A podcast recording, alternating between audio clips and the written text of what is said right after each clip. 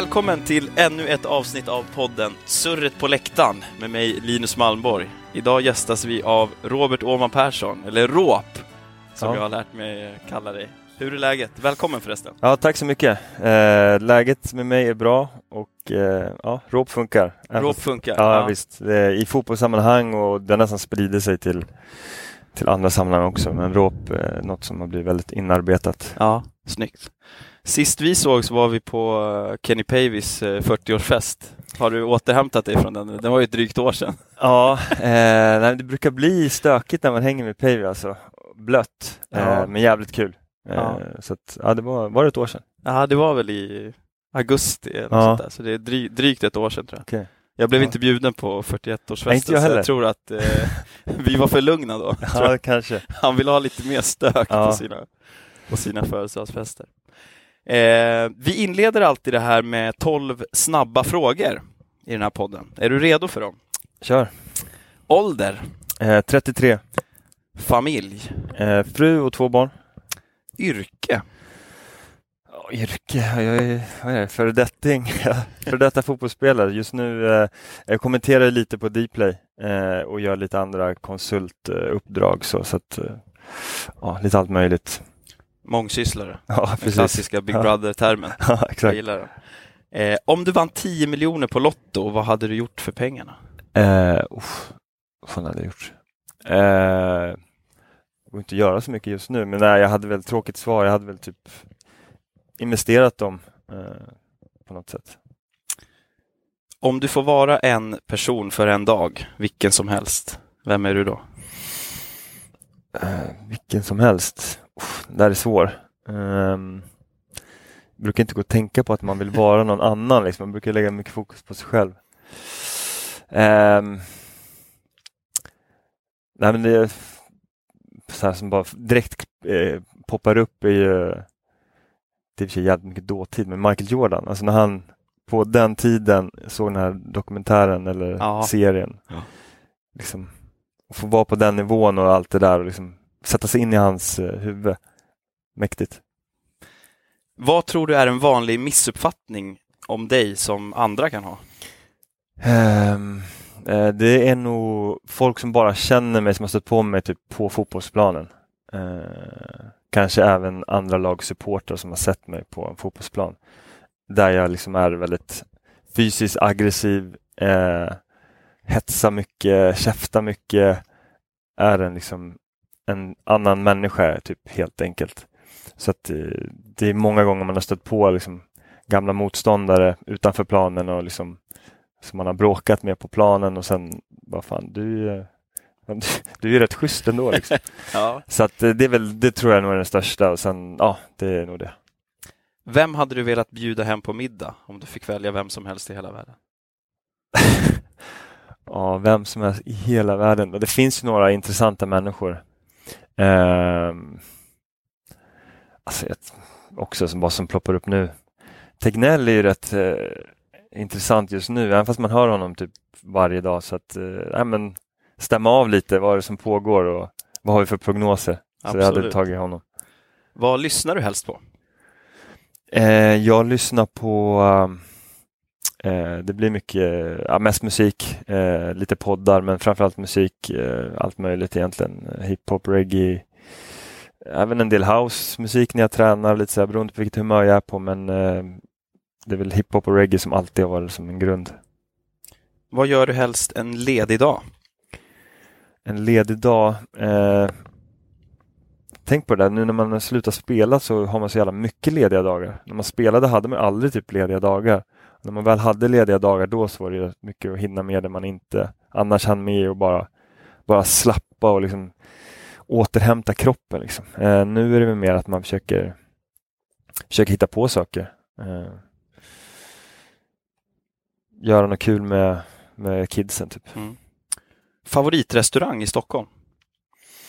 Favoritrestaurang i Stockholm. Eh, det finns ju ett par att välja mellan men eh, rest, restaurang, Sapper har man ju varit på x antal gånger så det måste ju vara någon form av liten favorit som man har varit där så jäkla mycket. Så jag får nog säga Sapper. Om du skulle tipsa om en tv-serie eller en film som du tycker om, vilken skulle det vara? Um, ja, men den med, med Michael Jordan där och eh, Chicago Bulls uh, var jag inne på. Men den här Playbook med de här tränarna. Jag är Mm. så dålig på namn, men är Mourinho så är han baskettränaren som jag tappar namnet på. Jag har bara sett de avsnitten. Mm. Uh, Mourinho har jag också sett, ja. den var intressant. Eh, men jag, alltså, jag är intresserad av ledarskap och liksom så. Så att eh, de är, den kan jag verkligen rekommendera. Jag tror det heter The Playbook på Ja, Netflix. det gör den Ja. absolut. Eh, och sist men inte minst, säg en person som du ser upp till och varför. Ehm, nej men jag ser väl upp till ändå rätt många människor. Alltså människor som är duktiga på olika saker som man så här, själv kanske inte är så duktig på. Är man lite så här, ja, ser upp till framgångsrika människor så men eh, ser upp till, jag ja, tycker de har gjort det bra. Men eh, nej, men jag tror nog mina föräldrar, min pappa är väl så här, någon som alltid, alltid har sett upp, varit bra förebilder. Mm, absolut, det är ett bra svar tycker jag. Då var vi ute på andra sidan. Mm. Det var nog fan, eh, det var väldigt bra tid tycker jag. Ja, men, Jag sa det här innan, om vi jämför med Mjällby så, så är ju allt snabbt. Ja, okej. Ja, jag tyckte jag la betoning på snabba frågor så jag försökte hålla mig kort och koncist. Ja, det var bra gjort. Om vi går eh, till lite nutid, hur är det med knät? Berätta, hur, eh, hur känns livet efter avslutad karriär? Ehm, det känns väl ändå rätt bra, eller det känns bra eftersom eh, sista tiden i min aktiva karriär i fotbollen var ju så jäkla mycket det var så mycket rehabträning och det var så mycket upp och ner och bakslag och snart är jag där. Eh, man satte upp olika mål som, inte, som jag inte nådde liksom. Eh, så att hela, och släppa den biten med rehabträning och all den här eh, förväntan som hela tiden, eh, som jag inte, jag kom ju aldrig tillbaka. Jag försökte så många gånger. Den känslan är skön att slippa. Nu kan jag bara liksom ta det lugnt och liksom fokusera på andra saker. Så. Eh, men i övrigt i knät, det är ju dåligt som fan. Liksom. Jag kan ju inte springa eller spela paddel eller göra någon sån här grej.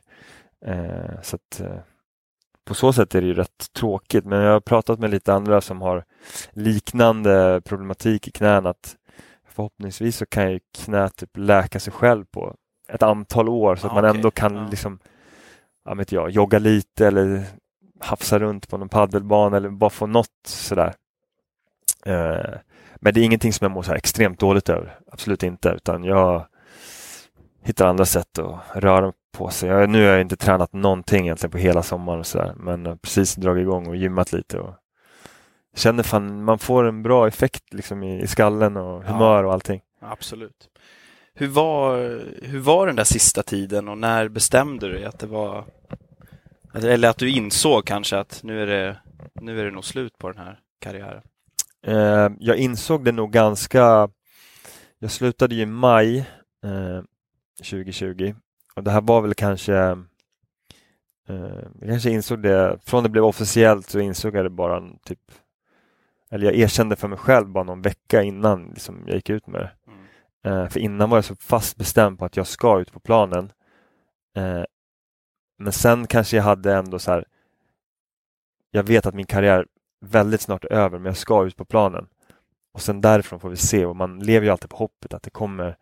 Ja. Det, jag kommer kunna spela lite mer. Jag kommer inte kunna spela varje match. Jag kommer absolut inte kunna träna varje träning, fotboll liksom så, utan mer anpassad träning. Men så att jag insåg det nog, eller erkände det för mig själv eh, ganska sent sådär. Men eh, för jag var fast beslutsam att jag skulle avsluta på planen. Mm.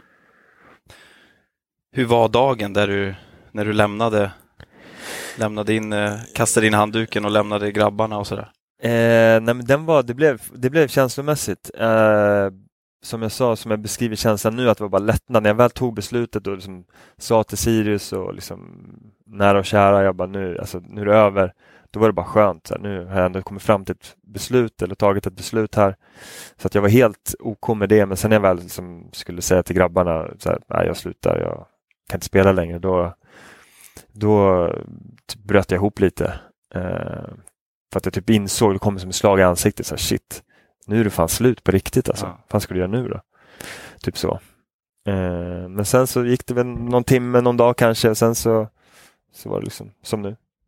Mm. Så att, eh, det var lite halvtufft just där och då, men samtidigt så tror jag att jag är rätt så här väljer att fokusera på det jag kan påverka och se det positiva och liksom fan, väldigt tacksam istället för Mm. allt jag varit med om och faktiskt haft levt min barndomsdröm som ändå varit och livnära mig på fotbollen. Liksom. Och det är få förunnat. Liksom. Det är ändå ganska många som börjar spela fotboll när de är små och som drömmer om det eh, och som inte kommer dit. Så att jag, nej, jag är tacksam för, för det jag upplevt. Ja, precis. Och samtidigt att ditt knä kunde ju inte spela mer heller. Nej, men alltså precis. på det sättet. Du, du gick ju inte och velade om du liksom kände dig fräsch och ska jag lira ett år till, utan det var ju verkligen, det är nog slut nu. Ja men exakt, jag, hade verkligen, jag gjorde Ja. verkligen allt. Alltså, det, var det, det var också en, här, en sak som var helt jobbig eftersom det var så lång tid och folk undrade så här, vad fan, vad håller han på med? Varför kommer han aldrig tillbaka? Han sa att han skulle vara tillbaka typ om en månad. Så de tror, många kanske fick en bild av att man bara går och lökar eller att man tycker det är Ja. rätt skönt att inte vara på planen.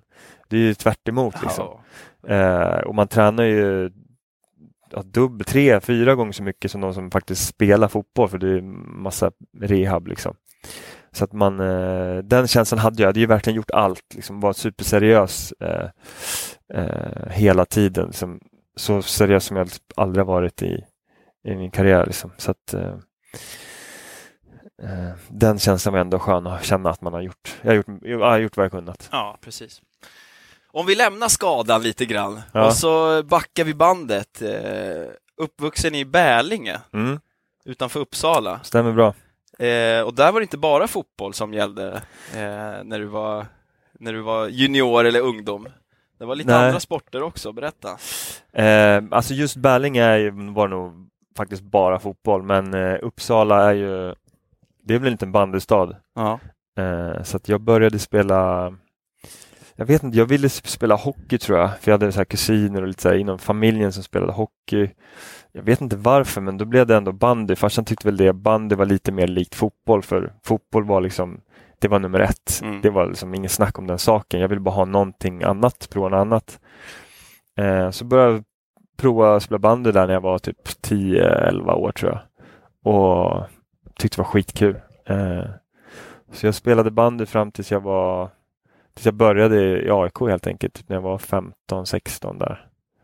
Eh, men eh, en jävligt rolig sport alltså. Det, ja, vi snackade lite om det innan. Ja. Det, det var väldigt mycket glädje för det var någonting, fotbollen var något så här, redan då var det något som jag så här, hade mål inom, jag ville bli fotbollsspelare och liksom, det var nummer ett och fotboll, eller bandyn blev mer som en hobby, en rolig grej. Eh, och så har jävligt skönt lag där i Sirius och många, jag umgås med många där än idag liksom, så att, Ja. eh, det var en rolig tid. Och när man läser lite resultat då, från den där tiden så det var ju inte bara att gå ut och lira lite grann heller. Du har ju ett VM-silver på CVt Ja, med P15-landslaget. Ja, men det är det som är, alltså bandy är ju ett, det är en liten sport liksom, men det var ju bara, och det är kanske så det egentligen borde vara i allt, men det var bara glädje. Mm. Eh, och hela vårt lag, vi var ju så här, det var bara glädje, vi hade kul, vi var på att larva oss, men vi var ju överlägsna i Sverige. Ja. Vi vann allt. Eh, och vi vann ju VM för klubblag liksom så. Vi hade ju några som var riktigt bra. Jag var väl, jag var ju bland de bättre också, eh, kan jag ödmjukt säga. Nej, men jag var ändå så bland de bättre, men vi hade ju några som var riktigt bra, typ Daniel Berlin som Ja, jag vet inte, nu har jag lite dålig koll, men jag tror han har i alla fall varit typ så här, kapten i svenska A-landslaget i bandy och spelat i Ryssland och så. Mm. Så vi hade ju bra gubbar eh, och blev uttagen i landslaget där och spöade, eller spöade, vi fick ju stryk av Ryssland i, i finalen. Men de var ett år äldre. Eh, jag vet inte varför, men de var 86 och vi var ju 87 eh, Och när man är typ Skön, eh, 14-15. skön VM-turnering där med lite olika åldrar. Liksom. Ja, men det var typ, eh, alltså många, vad är Eller det? det kanske var född, född vissa delar av året eller något sånt där. Det är kanske, typ- eller? nationerna är typ Finland, Norge, Kazakstan, Ryssland, Sverige. Alltså det är Ja. liksom fem nationer i Ja. VM. Eh, och så var det någonting med att typ, norrmännen fick typ inte ihop eh, 87, eh, rent 87, så de fick dispens att köra 86-87 tror jag det var. Och då ryssarna sa, ja men då åker vi, om de ska 86 då åkte de med sitt 86-landslag. Och vi i Sverige då, nej men det är 87 turnering typ, så vi åker mot sjuorna. Så att vi åkte och mötte, vi åkte och mötte män alltså. Det var Ja. ju, det var ju, alltså de var ju så jäkla så jäkla bra men typ så här rent materialistisk. Liksom. De hade ju så här bandyklubbor som man hade på idrotten på skolan. Så här, vi koll, vet, när man är så där ung, man kollar så här, ah, vad har han för skridskor, vad är för klubba, hur ser han ut? Så där. Vi tänkte så här, fan, alltså, de hade ingenting och skridskorna var ju så här från 80-talet, liksom, så här, Pippi Långstrump-skridskor i princip. Men de var alltså, vilka djur alltså, det gick undan. Ja. Uh, jag kommer ihåg att jag, jag var ju rätt fysisk på bandyplan också. Jag vet att jag hade en kille där som jag hade lite beef med på matchen. Och jag körde en sån här riktig propp. Alltså det kan ju gå, det smäller ju, kan ju smälla Ja, det gör det absolut. Ja. Uh, så jag siktade in mig på honom och så bara körde jag rakt in i deras största kille. Han var ju typ två meter, alltså han var bra mycket större än vad jag var, även fast jag var stor. Och jag trodde att där och då att mina, hela livet var förstört. Alltså mitt ben, alltså, jag fick så ont i hela benet. Benskyddet bara vek sig så jag trodde att hela knät och allt hade vridit sig. Eh, men det var en rejäl propp. Det är typ det enda jag kommer ihåg från det där VMet. Att jag typ, det var närmast jag var liksom, åkt in i en vägg. Snyggt. Ja. Eh, men det är ändå fotbollen som är din, eh, som fokuset ligger på när du är, när du är ung i de där åren. Liksom. Ja. Eh, och då är det Bärlinge då, eller vilket Ja. lag? Ja. ja, bara Bärlinge. Eh, Och sen väljer du akademivägen i AIK, kan man säga det? Eh, ja, exakt. Eh, nej, men alltså, grej, grund och botten så är jag AIK sedan jag var liten. Eh, AIK var mitt favoritlag när jag var liten och eh, jag var ganska, jag växte väldigt mycket när jag var liten. Jag var stor tidigt.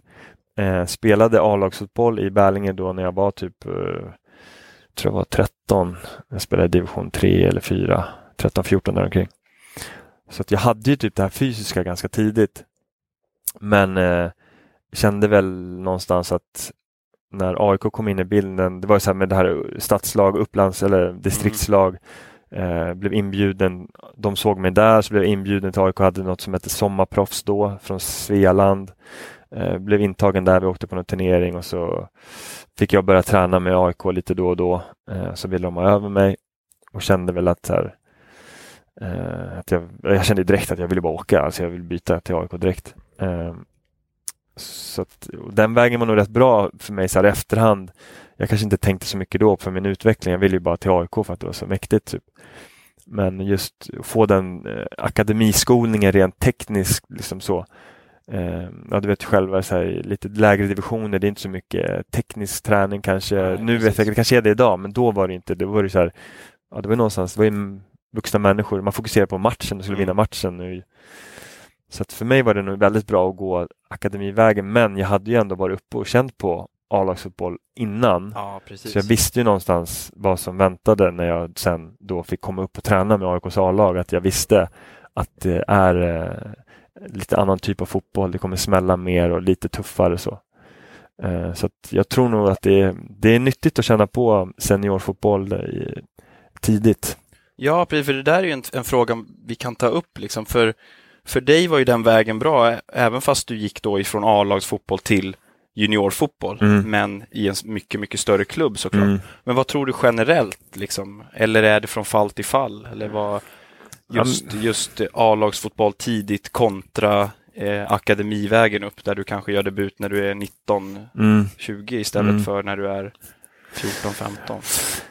Nej men alltså vi ser väl, nu har inte jag någon riktig statistik på vad som fungerar bäst sådär, men vi ser väl att typ i de här BP-killarna nu, det är mycket BP i landslaget, de har ju Mm. gått en hård skolning från tidig ålder. Mm. Eh, som tidigare sa man att det var helt fel. Eh, nu ser man ändå att det, det funkar rätt bra. Så jag vet, det är skitsvårt och det tror jag, det är väl, alla håller på att diskutera vad är rätt och vad är så. Men jag tror nog att så här, ganska tidigt är det nog väldigt bra att få en teknisk skolning. Liksom, när du är, man brukar väl säga mellan 8 och 12 kan du säga, sätta tekniska biten. Så att den åldern tror jag ändå är rätt viktig att få, få liksom nöta lite tek, teknisk så, mer än vad jag gjorde kanske.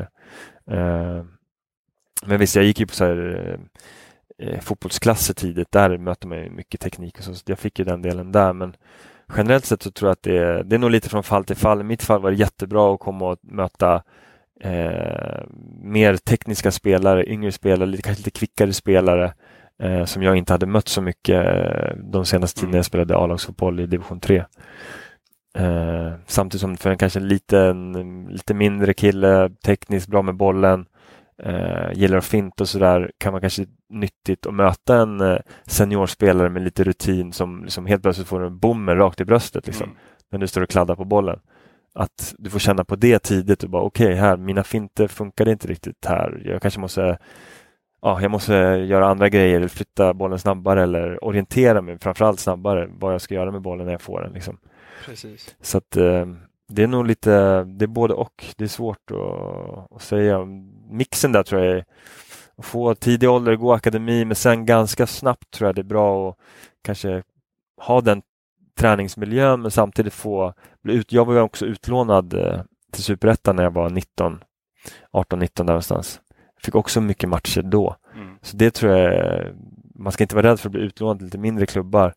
Eh, och det behöver inte vara superettan, det kan vara liksom division 1, division 2 också. Om man aldrig spelar A-lagsfotboll så tror jag att det är, det är bra att få, liksom, få lite A-lagsmatcher under bältet. Ja, precis. Det är ju en annan, en annan sport. Ja, så men om man jämför med juniorfotboll Ja. så är det ju, även om du kommer ner i divisionerna så är ju är min erfarenhet också att det är ju en annan sport. Liksom. Där Ja. spelar du för poängen och för och för- ännu högre upp spelar du ju för pengar. Alltså, Ja. Det är ju en annan sak än att spela eh, juniorfotboll såklart. Ja, men framförallt så här, erfarenheten och det här lite smartness och lite fulheten. Att så här, fast många juniorer är ju kanske kvickare och mycket tekniskare med bollen men du har en erfarenhet som du har spelat och du kan och lite så här, lite knep innan du får bollen att helt plötsligt i ett inläggsläge så, så får du kanske en, en, en, en knuff för bröstet.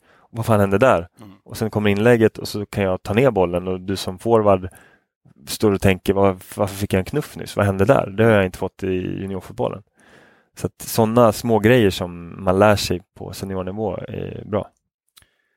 Sen kliver du upp, du är inte juniorlaget i Gnaget så himla länge utan du kliver ju upp i A-laget. Mm. Eh, hur känns det som gnagare sen, sen barnsben liksom, och Ja. få chansen där?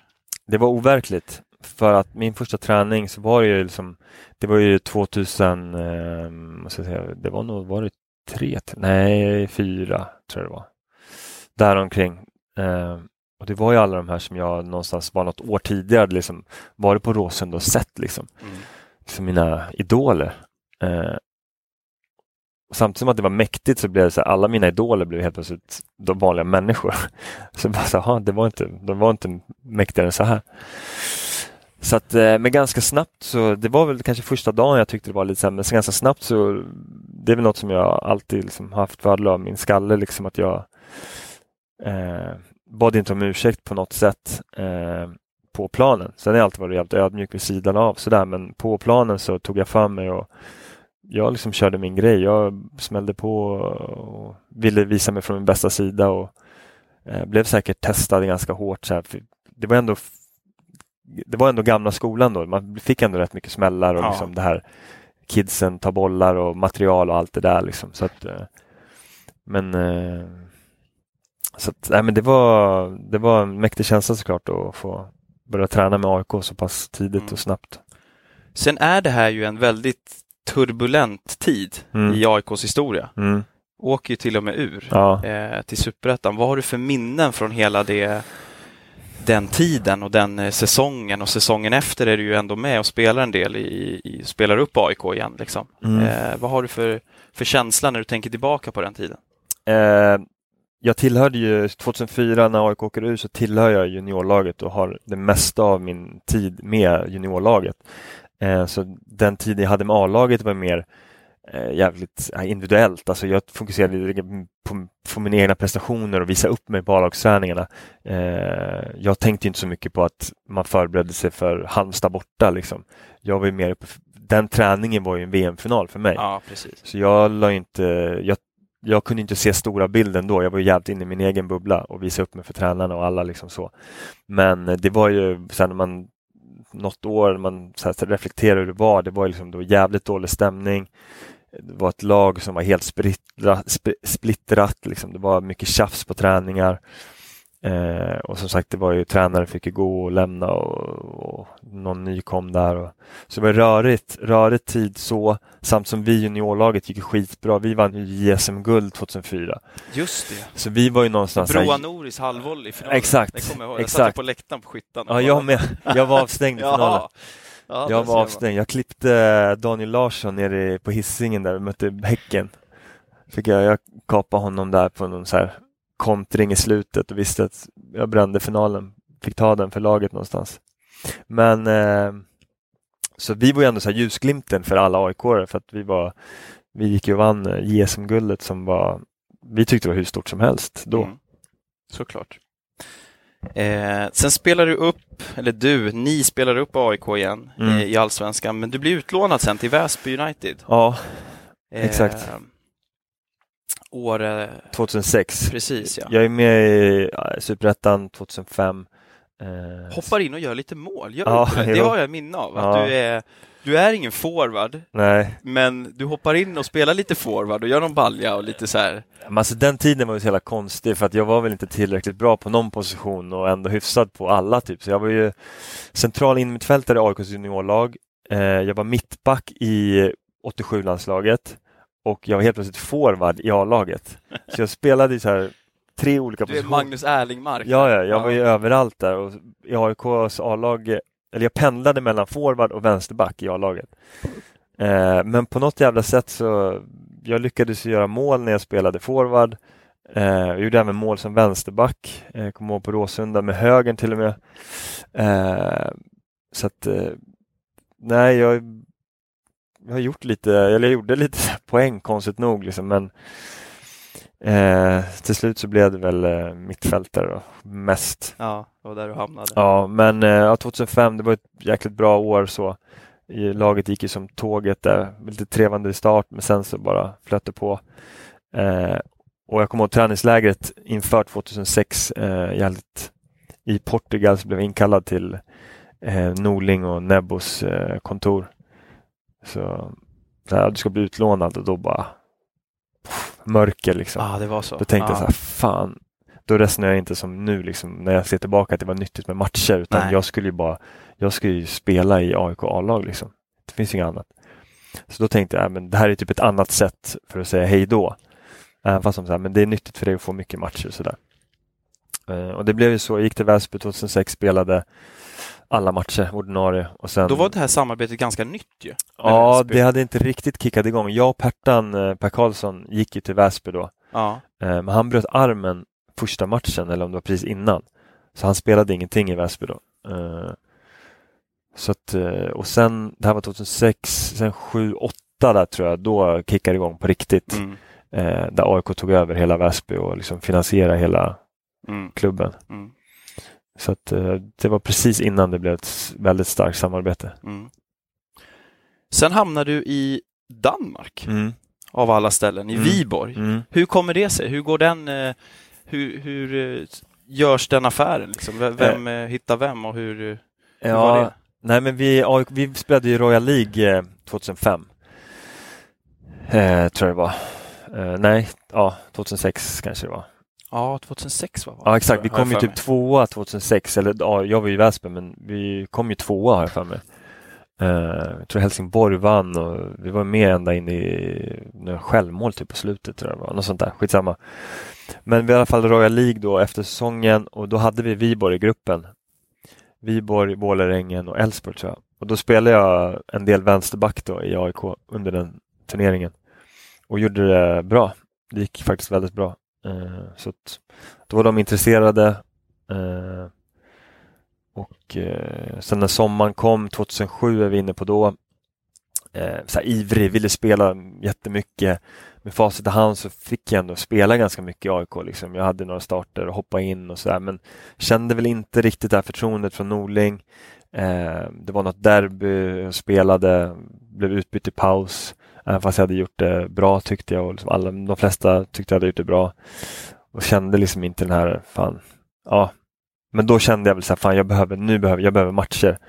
Jag behöver spela fotbollsmatcher. Så att, eh, när Viborg kom så stack jag dit Mm. och spelade där. Ja, spelade, var till ordinarie där i en säsong innan jag sen gick till Malmö. Ja, precis. Hur var det att gå från, från AIK, en storklubb i Sverige, till Viborg är ju inte... Alltså relativt sett är det ju ingen storklubb i Nej, Danmark. nej, liksom. nej. Nej men på Eh. den tiden var ju danska ligan var ju mycket bättre än svenska. Ja. Typ så. Alltså, efter Köpenhamn var ju liksom i Champions League. Det var ju Linderoth, Albeck eh, och Ja, massa precis. danska så här, landslagsspelare. Så de var ju liksom en klass för sig. Men Viborg var ju verkligen en liten klubb jämfört med AIK. Så jag märkte ju jag gick ju till Danmark med en känsla att typ, nu går jag till en bättre liga för den var ju rankad bättre än allsvenskan då. Eh, och så kom jag till Viborg och tänkte så här, shit det här var ju typ det var absolut inte Väsby, det var det inte, men det var liksom någonstans där mittemellan. Liksom. Det var en mindre klubb. Eh, men eh, jag gick dit för att spela fotboll och Ja. så. så att, nej, det, var, det var en ganska bra tid ändå. Ja. Har du någon koppling kvar dit? Alltså har du några polare kvar eller? Nej, jag har kontakt med en kille, eh, en eh, Mikael Rask hette han. han. Han har jag lite kontakt med så här ibland, men annars har jag inte någonting. Var det något du lärde dig där i Danmark som inte du hade känt på i Sverige? Eller är det kulturerna, fotbollskulturerna lika eller vad skulle du säga? Ja, alltså, alltså det är ju mycket är ju likt, så Sverige, Danmark. Visst, det är ändå olika, olika länder och en viss annan typ av jargong. Lite mer rakare, lite hårdare. Kunde ju uppleva att det var eh, ett annat språk, så hela den, det är en bra, alltså som ett första steg att flytta utomlands så är det nog ändå Många tänker jag med Danmark är som Sverige, men på- många sätt ja, men på några sätt inte alls. Så att, eh, eh men det är ganska snabbt när man kom in i det. Så att, Eh, Men jag tog inte med mig något särskilt. Men att det var ju ett tufft år. Alltså vi var ju, vi, Viborg var ju ett jättebra lag då. De kom ju fyra året innan. När, vi kom, när jag kom dit så lämnade typ stommen ett gäng så här, 30-plussare som hade varit utlandsproffs och så vidare. Ah, okay. Eh, och så fyllde de på med mig och tre andra 19-åringar. Eh, så att, eh, det gick ju tufft som fan för laget. Ja. Men för egen del gick det ändå OK och, och Malmö köpte ju mig sen därifrån. ja, precis. Sen hamnade du i Malmö FF. Ja, Du har ju ändå eh, mycket storklubbserfarenhet ja. eh, från Sverige. Mm. Det är något som inte, eh, tror jag, alla tänker på Nej. när man hör ditt namn. Alltså. Eh, men hur hamnade du i Malmö?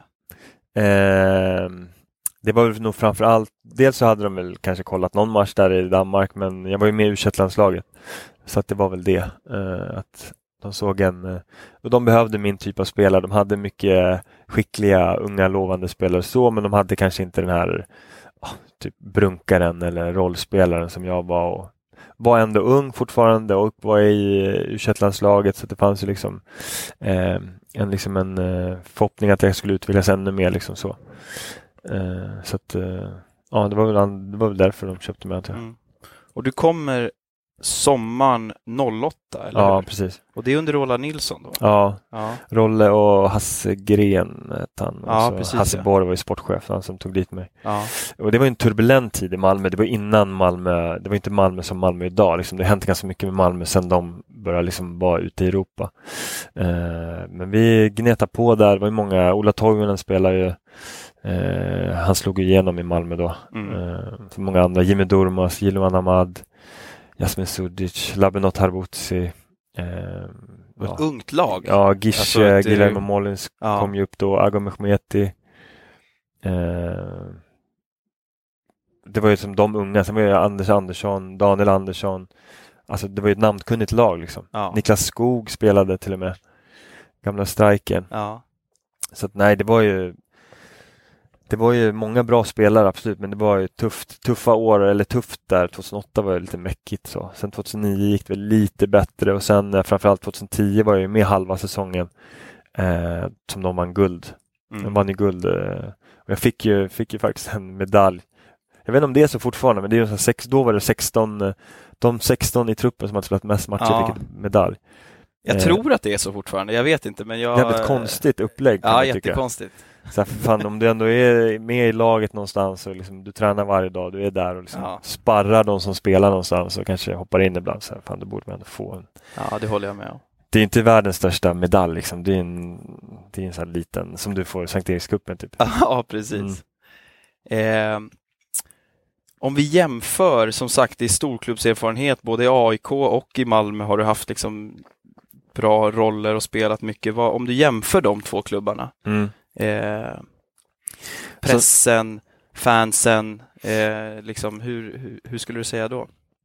Eh, lika skulle jag nog säga. Eh, sen nu som sagt Malmö har ju vuxit ganska mycket eh, de här senaste åren då eh, och blivit en klar etta i Sverige liksom, i och med deras eh, ekonomiska resurser.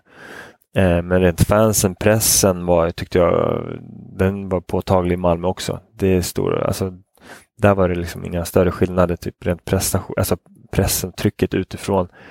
Eh, sen var det mer lite så här, i AIK var det mycket, man snackade man blir inpräntad ganska tidigt, liksom junioråldern och allting, liksom att vi är störst, bäst och vackrast och lite attityd och lite så här hybris. Liksom. Ja. I Malmö var det mer att du hade lite mer eh, belägg för liksom, alla de här spelarna som ja, Malmö som klubb hade vunnit mycket mer och eh, liksom, där man tränade och arenan, du såg alla bilder på alla gamla spelare och alla de här gamla spelarna var inne i föreningen i ungdomslagen på ett annat sätt. Så de Ja. var liksom, du såg dem i vardagen på ett annat sätt. Liksom. Där är de väldigt skickliga Malmö. Ja. För att ta en sido, sidoväg här nu. Där är de ju väldigt skickliga. Det är som du säger, det är ju Andreas Yngvesson och massa av de här gamla lirarna Mm. som är på, på ungdomslagen. Ja, det är För en hel kulturen drös där. vidare på något sätt. Liksom. Ja, exakt. Eh, precis. Så att man kände ju det på något sätt där. Men samtidigt rent så här klubb, om man jämföra just pressmässigt så var det ju likadant. Sen, ja, nej, det jag skulle säga att det var likvärdigt så. Mm. Sen lämnar du ett guldjagande MFF på sommaren mot ett eh, frenetiskt kämpande AIK i botten av allsvenskan. Ja, Eh, kände du ditt ansvar då att komma hem och styra upp skeppet eller hur eh, nej, men det tänker var, du? nej, men det var väl eh, just tio där. Jag spelade, det var ju Wilton Figueredo och Ivo Pekalski som spelade centralt och Ivo var ju superhet och jävligt duktig och Wilton Mm. var ju jättebra. Så det var så här, det var inga, egentligen var det inget snack. De var bättre än mig och jag var trea centralt. Så jag kom in och jag gjorde ju även då en hel del poäng och mål när jag kom in. Så det var några matcher där jag liksom gjorde mål, tror jag gjorde så tre mål i rad, så jag kunde inte bli bänkad. Men jag kände ju verkligen, alltså jag, det, jag måste göra något liksom väldigt bra, annars kommer jag bli bänkad nästa match. Jag hade inte det förtroendet därifrån. Framförallt då han spanjoren eh, Cloet som var där, eh, assisterande tränaren. Eh, så att jag var mycket på sidan. Eh, vi gick ju väldigt bra, trivdes ändå där i Malmö så. Eh, men sen AIK hör av sig, eh, Jens T Andersson hör av sig och bara, ja, men de hade sålt tror jag Mutumba och Bojan Djordjic. Just jag. Eh, och bara vi måste få in lite I den sköna affären. Ja, exakt. som kan ha ett eget kapitel Ja. utan att veta. Nej, jag allt för vet mycket. faktiskt ingenting där, men det är säkert suspekt så. Men eh, ja, vi behöver få in lite liksom AIK, liksom, lite AIK-blod på något sätt och din typ av spelare passar bra i det här skedet vi är i. Och, liksom. så att, eh, och sen med min bakgrund som AIK och har tillhört AIK så när, när de ville ha mig så pass mycket så var det, liksom, det var egentligen ingen snack. Jag blev skitglad. Även fast de låg där de låg. Mm. Eh, så tänkte jag inte på det. Det var så här, AIK vill ha mig. Det är bara att sticka liksom så. Jag hade nog inte lämnat för någon, eller jag hade inte lämnat för något annat lag i och med att vi låg ändå i toppen med Malmö och jag var ändå jävligt nära och så här, hade möjlighet till att vinna ett guld liksom så. Jeppe, hur, hur, eh, hur var det mentalt att gå från och liksom, ja, toppstrid till bottenstrid?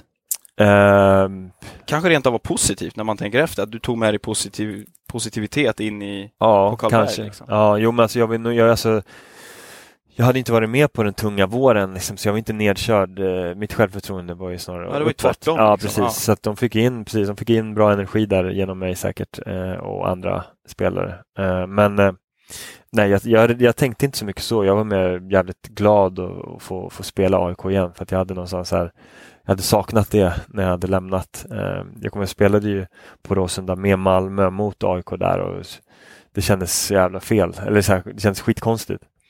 Eh, sen har jag alltid gjort allt.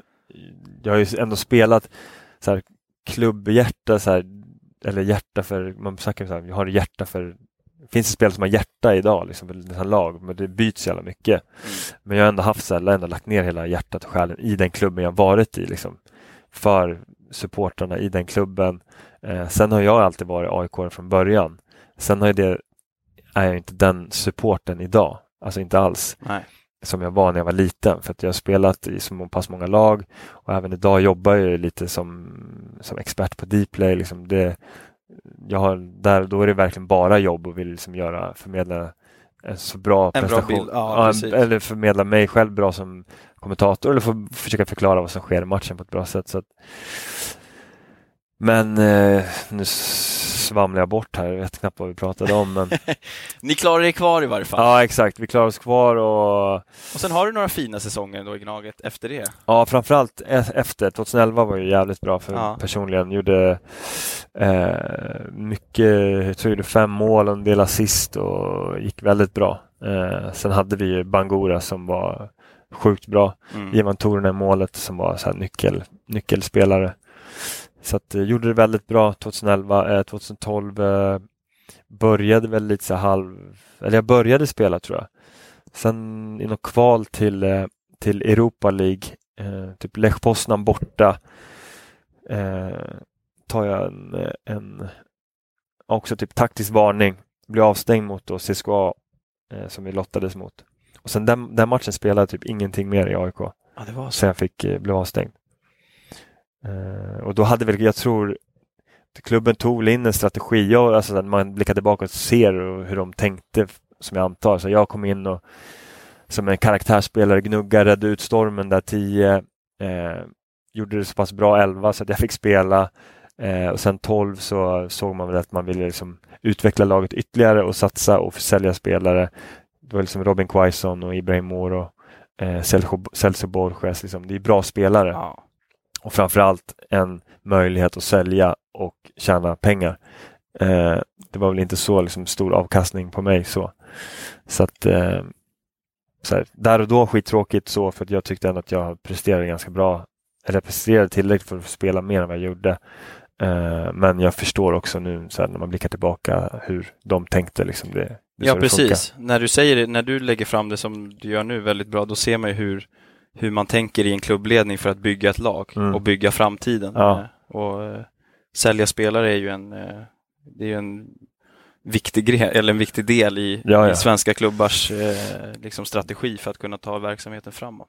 Absolut. Där och då var jag inte alls lika förstående som jag är nu. Nej, självklart. För då är man så inne i sin Ja. egen bubbla som spelare och man vill bara spela. Liksom så. Men så här i efterhand så du kan inte säga någonting. De gjorde förmodligen helt rätt eftersom de sålde alla och har fått klubben till en helt ny nivå. Mm. Sen lämnar du för ÖSK. Mm.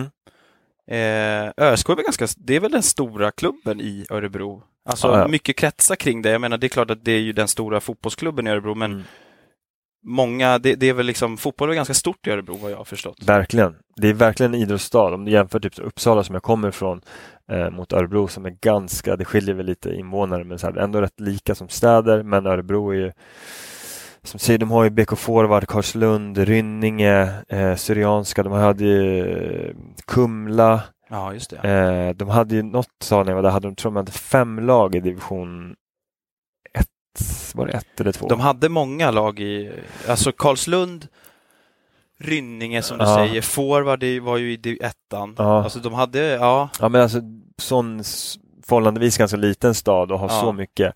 Så har de hockeyn och det är verkligen det är en idrottsstad och det är Ja. för att liksom, majoriteten av det är en, eh, liksom, de som sitter, det är mycket fastighetsägare i stan och de har ett idrottsintresse som pumpar ut, eller pumpar, men de, eh, de sponsrar idrotten. De Mm. som lägger mycket pengar på idrotten. Förhållandevis typ som Uppsala som inte alls har någon idrottshistoria Nej, utan mer en universitetsstad och akademiskt där kommunen eh, liksom prioriterar annat, liksom, mer bredd och inte så mycket elit kanske. Kanske börjar ändras lite nu då med Sirius och annat, annat liksom så. Men eh, Örebro, eh, grejen var att jag skadade mig i AIK, satt på utgående kontrakt, drog menisken, det var då det började med knät, drog menisken.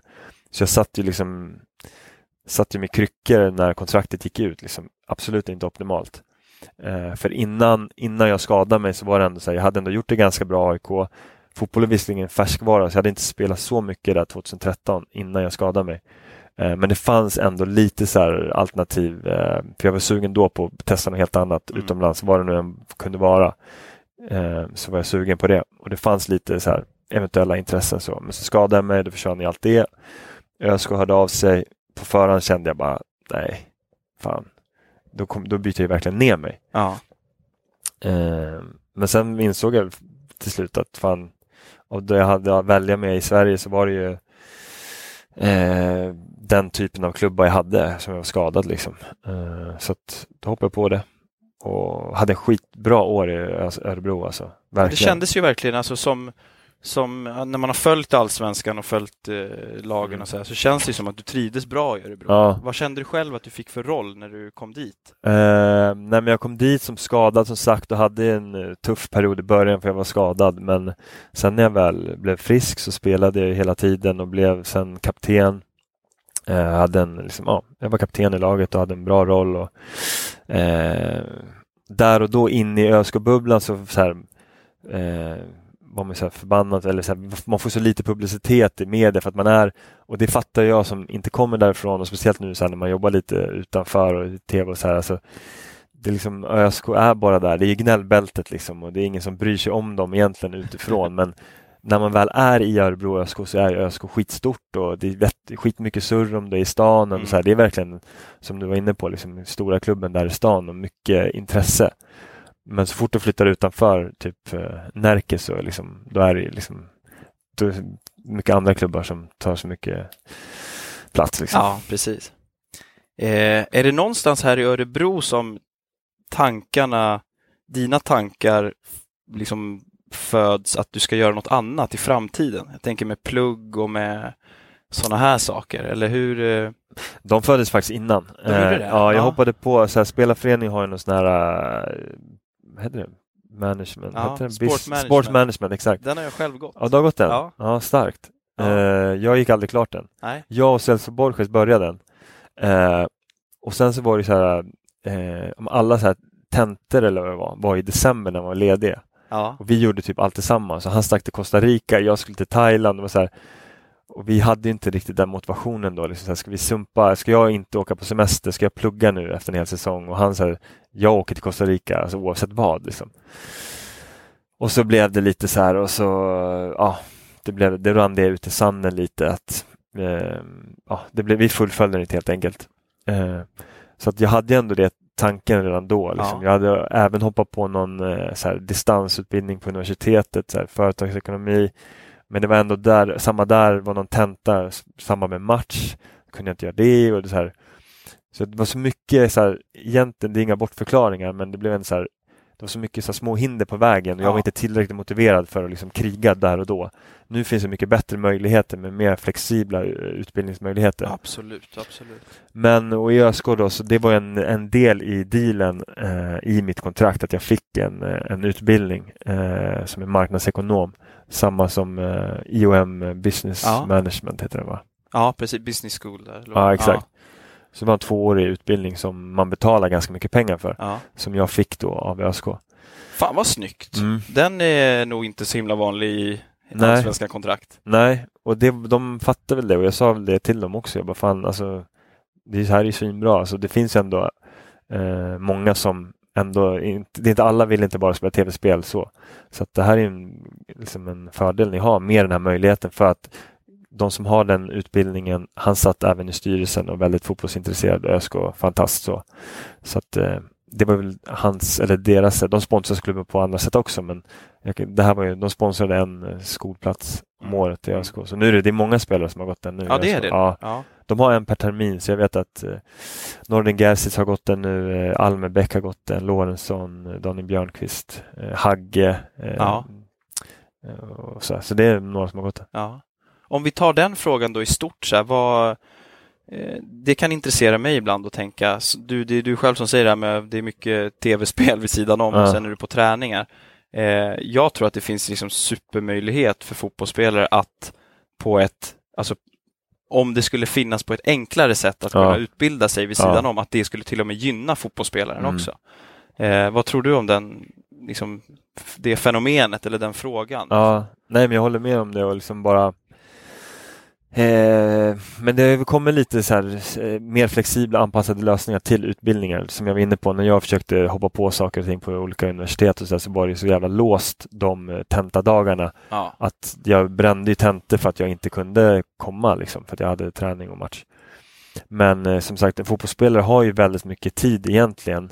Eh, du har relativt korta dagar men sen är du så inne i fotbollen också så att du behöver återhämta dig. Du vill bara liksom fokusera på fotbollen och satsa allt där och då. Men eh, så här, någon gång någon gång i veckan, studera lite så här halvfart liksom, eller göra någonting Mm. eller gå, bara gå med någon på något företag och se hur det fungerar, bara vara liksom en fluga på väggen och så här. Det ger erfarenhet Mm. till framtiden liksom och kanske ge eh, den dag man slutar så här, ja men det vill jag göra. Man, man vet lättare vad man kanske vill satsa på då för att Ja. man kanske har varit med vad vet jag, då kanske har gått med någon säljare och så här, men sälj var inte någonting för mig eller det var verkligen någonting för mig eller marknadsföring eller ja, det sitter väl ihop lite men ja, du förstår vad jag menar att man Ja, ja kan få liksom lite tips och lite erfarenhet för vad som komma skall. Ja. Och samtidigt som jag tror att många företag är ju ute efter de egenskaperna som, som både du och jag har som Ja. före detta liksom, fotbollsspelare. Då. Ja men Eh, precis. Det, har du säkert märkt nu när du har slutat att, Ja, eh, att eh, du har fördel av att ha den disciplinen och Ja. rutiner och så vidare. Men det vet ju inte vi. Alltså vi som spelar fotboll vet ju inte det. Jag tänkte, vad fan kan jag göra? Jag kan spela fotboll. Eh, sen såklart, alltså så här, man jag vet inte hur det är på vanligt, men så här, som folk har sagt till mig, så här, men du är duktig, så här, du vet ju så här, rutiner, hålla tider, så det, det är väl självklart Ja. tänker jag, men det kanske inte är på arbetsplats. Man kommer dit, man gör sitt bästa typ och eh, lite sådana här grejer så här, som, man, som är självklara saker för fotbollsspelare och mål och just så här eh, individer, man är liksom jobbat, man säger, man spelar spelat fotboll med folk från alla olika möjliga världsdelar och kulturer och liksom fått, eh, man vet hur man ska tackla olika personligheter på väldigt så. Här, så. Eh, samtidigt som det finns många, många områden såklart som fotbollsspelare inte har en aning om men som Mm. man snappar upp rätt snabbt tror jag. Jag tror också det. Alltså med det drivet och Mm. så, så, så absolut. Mm. Det, det, det håller jag med om. Sen eh, får du ditt äventyr Ja, till slut, ja. som du var ute efter några år tidigare. Då hamnar du i Belenenses, Ja. säger man va? Belenenses, precis. Ja. Det tog ett tag innan det är så mycket N och E där man blandar ihop. Nej men slutet på ÖSK, kontrakt gick ut, de ville förlänga. Eh, hade jag Axén som coach och han var jävligt förstående i det och jag var rätt öppen och tydlig med. Liksom, så här, jag trivs skitbra här men jag är liksom, det här ska jag liksom prova någonting någon gång så är det nu. Ja. Eh, och sa till mina agenter liksom precis typ vad som helst. Alltså sätt mig i Kazakstan eller alltså jag vill bara prova någonting annat än allsvenskan innan Ja. min karriär är slut. Eh, men med även lite fokus på Asien och Kina och tjäna stålar. ja. Eh, det var nära eh, dit men eh, det, det drog ut på tiden och sen så dök det här upp från ingenstans. Belenenses i liksom högsta ligan i Portugal, bo i Lissabon och allt vad det innebär. Så att då blev det liksom så här, ja, jag bestämde jag bara, vi kör. Ja. Alltså, jag, det var liksom inget att tveka på. Så Nej. jag fick ett samtal, bodde i Örebro, åkte efter samtalet från min agent, åkte jag tio minuter senare, raka vägen till Arlanda och åkte och skrev på. ja. Snyggt. Hur var det att vara där då? Hur, var, eh, hur är skillnaderna, allsvenskan, portugisiska ligan med... Ja, där är ju, där är det bra mycket större än mot Danmark. Så. Ja. Eh, dels typ så kulturen och lite så här, hur man tränar och det sportsliga. Liksom det här, eh, ja, men det, här typ, det fysiska spelet och hur jävla skickliga många spelare är på med bollen men även liksom att utnyttja dåliga tacklingar. Alltså jag har ju alltid varit en fysisk spelare, lite halvklumpig, lite seg, kommer sent. De utnyttjar det direkt. Alltså, min, de känner av en liten touch. Det, här hemma är det ju filmning, du filmar. Ja. Men de känner av när det är en dålig tackling och så förstärker man. Eh, som jag var jävligt frustrerande. Man, kunde, man visste ju, man typ knappt nuddar dem men de var så jävla skickliga på det så att det såg ju rätt, det såg ut som att man tacklar folk. Liksom. Ja. Så där lärde man sig verkligen liksom, behöva anpassa sig. Liksom, så här, man får, kan inte bara, man måste välja sina lägen när man kan gå in med kraft. Liksom. Eh, och sen allt runt omkring, liksom, möta, spela mot Benfica, Porto och alla de här liksom, 70 000 på läktarna, mäktiga arenor. Jävligt stora spelare, typ Casillas, liksom, kom från Real Madrid till Porto precis innan. Eh, och alla möjliga spelare man mötte. Liksom. Eh, men sen Lissabon som stad, fantastiskt klimatet spela och träna på naturgräs, varmt väder. Nej, det var, det var magiskt. Ja. ja. Du måste ha bra minnen därifrån, känns det Ja, verkligen. Det var samtidigt det här med kulturen där också med tränare som kom. Jag var där ett och ett halvt år. Jag hade tre tränare. Eh, kom dit. Eh, tränaren hade typ hyfsad koll på vem jag var. Eh, det var typ presidenten som hade fått lite panik där de sålde en spelare och ville få in mig snabbt. Eh, kommer dit och började lite så här, var tvungen att liksom bevisa lite vem jag var men fick ändå spela i början, sen fick han gå. Så kom en ny tränare, spelade ingenting. Jag var helt utanför laget där i någon mån en månad typ. Eh, och började fundera lite så här, ska, ska jag vara kvar här eller ska jag liksom flytta till, leta efter något annat liksom. Men så här, fan jag har ett halvår kvar på kontraktet, jag trivdes så jävla bra där så jag, nej, men jag knuggar på liksom. kom en ny tränare som inte hade någon aning om typ vem jag var. Och han eh, efter ett tag så sa han, du, för jag spelade mittfältare där, Ja. så bara du, kan du spela mittback eller så här? Så, ja absolut. Han bara, jag tror att du kommer vara jättebra där. Och så spelade jag mittback. Eh, och det gick skitbra. Eh, och jag pratade inte, jag förstod ju fotbollstermerna portugisiska, förstod så här, men jag pratade, jag pratade också portugisiska på planen, fotbollstermerna, liksom enkla ja, grejer. precis. Men, eh, och som han sa, liksom, jag, jag styrde det laget även fast jag inte pratade språket. Eh, det kommer jag ihåg att han sa inför hela laget. Typ, så här, han bara, hur är det möjligt att vi har en kille som inte ens pratar portugisiska men styr hela det här laget bakifrån? Och liksom, han klankade ner på de andra Ja. men indirekt blev det en jättehyllning till mig. Liksom. Absolut. Ja. Och vi släppte in, så här, efter Benfica släppte vi in minst mål. Eh, jag blev uttagen här, veckans lag och allting. Eh, så jag tänkte så här, från att kanske skulle lämna till att få, liksom, de ville förlänga med mig. Tränaren ville förlänga med mig. Ja. Han ville verkligen det. Men samma där, presidenten vill bestämma. Jag var liksom, vad var jag, Jag var 31 liksom. Ja. Och samma där, det finns så jävla mycket spelare. Vi bytte 10-12 spelare varje fönster. Så att eh, han kan ju, då han bedömde samma där, att min nivå som spelare kontra eh, att försälja eller sälja den typen av spelare kan han ta in liksom, med den samma nivå och ha möjlighet att sälja var Ja, mycket större. precis. Så de skickar in typ fem nya brassar och skickar bort mig och några andra äldre. Ja. Så att, eh, men alltså en grym tid och framförallt det gick, eh, det var kul att få den sista tiden, det gick det så jäkla bra också. Eh, eh, sportsligt. Ja. Att du är där ett och ett halvt år kan jag, som så här, när, man, när man sitter vid sidan om, tycker jag är häftigt. Mm. För att många åker iväg och så är du ett halvår. Mm. Du vet, du kommer till något bottenlag som, eh, som behöver någon och så är du där ett halvår och sen Mm. så... Det här, du är ändå där, du är ändå liksom lite etablerad. Det, Mm. det kommer jag ihåg när jag läste om att du Ja. gick dit och följde din karriär där, att det tyckte jag var häftigt. Liksom. Ja. Det, det hade betyder ju, att du var där på riktigt. liksom. ja, jag hade faktiskt, jag hade möjlighet och jag fick ju ett kontraktförslag för, från dem, men det var så här halva lönen. Och då såg jag det som ett lite så här, vad fan är det här liksom? De halverar min lön, då vet jag vilken roll jag kommer få i laget också. Att det kommer kanske bli en backup och inte spela så mycket. Och så hade vi precis fått barn då också. Eh, så livet på det privata var så här, även fast jag trivdes skitbra fotbollsmässigt så var det ändå så här, min fru precis nybliven mamma och vill, man vill ju ha närhet så, här, så liksom.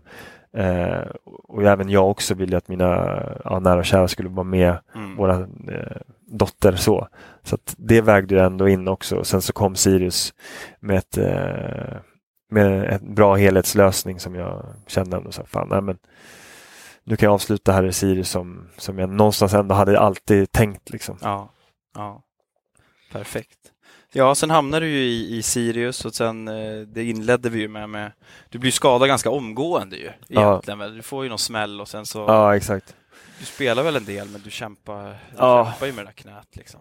Fick en superstart. Eh, mina fyra första matcher vann vi ju. Laget hade typ inte vunnit en match på hela våren. Eh, och sen gick det skitbra. Vi vann eh, fyra raka och den fjärde matchen borta mot Göteborg så fick jag en smäll, en glidtackling bakifrån på knät. Eh, och kände att nu händer någonting. Eh, kriga igenom hela den hösten på jävligt mycket Voltaren. Typ. Träna inte så mycket utan bara liksom dagen före match typ och spela matcher. Eh, och gick in i knät efter säsongen då eh, och tog bort lite brosk. Eh, kriga tillbaka eller för som blev klar till premiären där 19. Eh, vi vann ju premiären borta mot Kalmar, vi vann hemma mot AFC, så mötte vi AIK på Friends. Gör en jäkligt bra eh, match egentligen, men vi torskar den tror jag. Eller ett, ja, Jag för mig det. ja det inte blev, jo de vände, jo, vi ledde med gjorde 1-0 mål, Ja, och sen så gjorde, tror jag de gjorde 2-1 till slut. Men då fick jag en eh, jävla konservation också där våra målvakt och Henok kom in också bakifrån. Men eh, själva smällen i sig var inte så hård men det var mer mitt knä som, som inte var tillräckligt bra. Liksom. Så då hände någonting och sen så bara vek sig knät. Så att eh, då kände jag nu är det nog över. mm. Och nutid då? Då är du Mm. lite på, eh, du kör Dplay, Mm. du kommenterar, Ja. du konsultar lite på andra eh, ställen också liksom. ja, precis. Jag håller på att leta, eller så här, håller på att fundera vad, vilken väg man ska gå och sådär. Som, eh, men nu, eh, dels har det varit, eller det är ju pandemi och coronatider Mm. så att eh, eh, mycket, jag har mycket intresse från företag som vill ha in mig på något sätt men lite så svårt eh, i och med permittering och så vidare och anställa så. Men eh, det finns fortfarande väldigt, det finns möjligheter och jag har ingen stress sådär. Eh, sen är vår yngsta dotter, jag var lite så här pappaledig åt henne. Mm. Hon har precis börjat förskolan nu så nu, det är egentligen först nu som eh, jag står liksom redo i blocken och köra. Ja, Eh, precis. Så att eh, vi får se vilken väg, för att när jag väl slutade med fotboll tänkte jag så här, "Uff, nu ska jag göra något helt annat. Jag är trött på fotboll, jag har hållit på med det hela mitt liv, nu ska jag göra något helt annat och liksom bevisa för mig själv och även för andra att jag kan göra annat än att spela fotboll eller ha något med fotboll att göra. Eh, men sen nu, ju längre tiden går så dras man ändå tillbaka och liksom Fan, fotboll är ändå rätt roligt och man Ja. har mycket kontakter och så. Så jag får se vilken roll det blir, om det blir inom fotboll eller Ja. civilt eller Du har inte mix. satt upp något mål på något sätt vad du vill vara om Nej. ett antal år eller något sånt där eller, Inte än. eller bransch eller något sånt där heller kanske? Nej, jag tror jag kommer, jag kommer nog jobba med mål, det kommer jag göra. Men jag känner väl att jag måste först bestämma liksom väg. Alltså, man är ett brett mål, det är väl typ så här, ja, men, ja, men så här, må bra och göra något man tycker är roligt. Mm. Eh, och det är väl det man ska hitta nu, vad tycker jag är roligt och vad är bra, typ så. Eh, det är väl det, typ så här, de breda grundläggande dragen. Sen kan man bli lite specifikare i sin målsättning när man liksom väl vet vad man ska göra. Liksom. Ja, precis. Är det något ämne som du känner att, alltså ledarskap Ja, förknippar man ju med dig Ja, när jo, man har jag- följt din karriär. exakt. Jag, det tycker jag, jag tycker det är jävligt kul att liksom påverka andra människor och göra dem eh, ja, men att de får ut sin fulla kapacitet. Liksom. Eh, och sen, eh, sen vad man än gör idag är det, liksom, det är ju någonstans sälj också. Liksom. Det är inblandat har jag förstått i det Mm. mesta. Mm. Även fast jag kanske inte är den Uber-säljaren så, så är jag nog mer så här, men lite mer så här relationsbyggande. Jag är bra på att bygga, bygga relationer och har väldigt stort kontaktnät, liksom, Mm. social. Liksom. Så att eh, det kommer jag ha nytta av eh, vad jag gör, liksom, just med, ja, med relationsbyggandet. Liksom. Mm, absolut. Så att eh, jag vet inte, får väl ta kontakt med det här Ben som de heter, som du känner till. vi får se vad vi kan göra. Eh, snyggt! Eh, Robert Åhman Persson, eller numera är du Råp när vi Ja, känner varandra lite. exakt. Tusen tack eh, för att du ville vara med. Tack för att jag fick vara med. Jag ska också trevligt. tacka eh, produktionsbolaget här, Dobb 2.0, som gör den här podden möjlig. Surret på läktaren, en podd på initiativ av FC Stockholm. Tusen tack! Tack själv.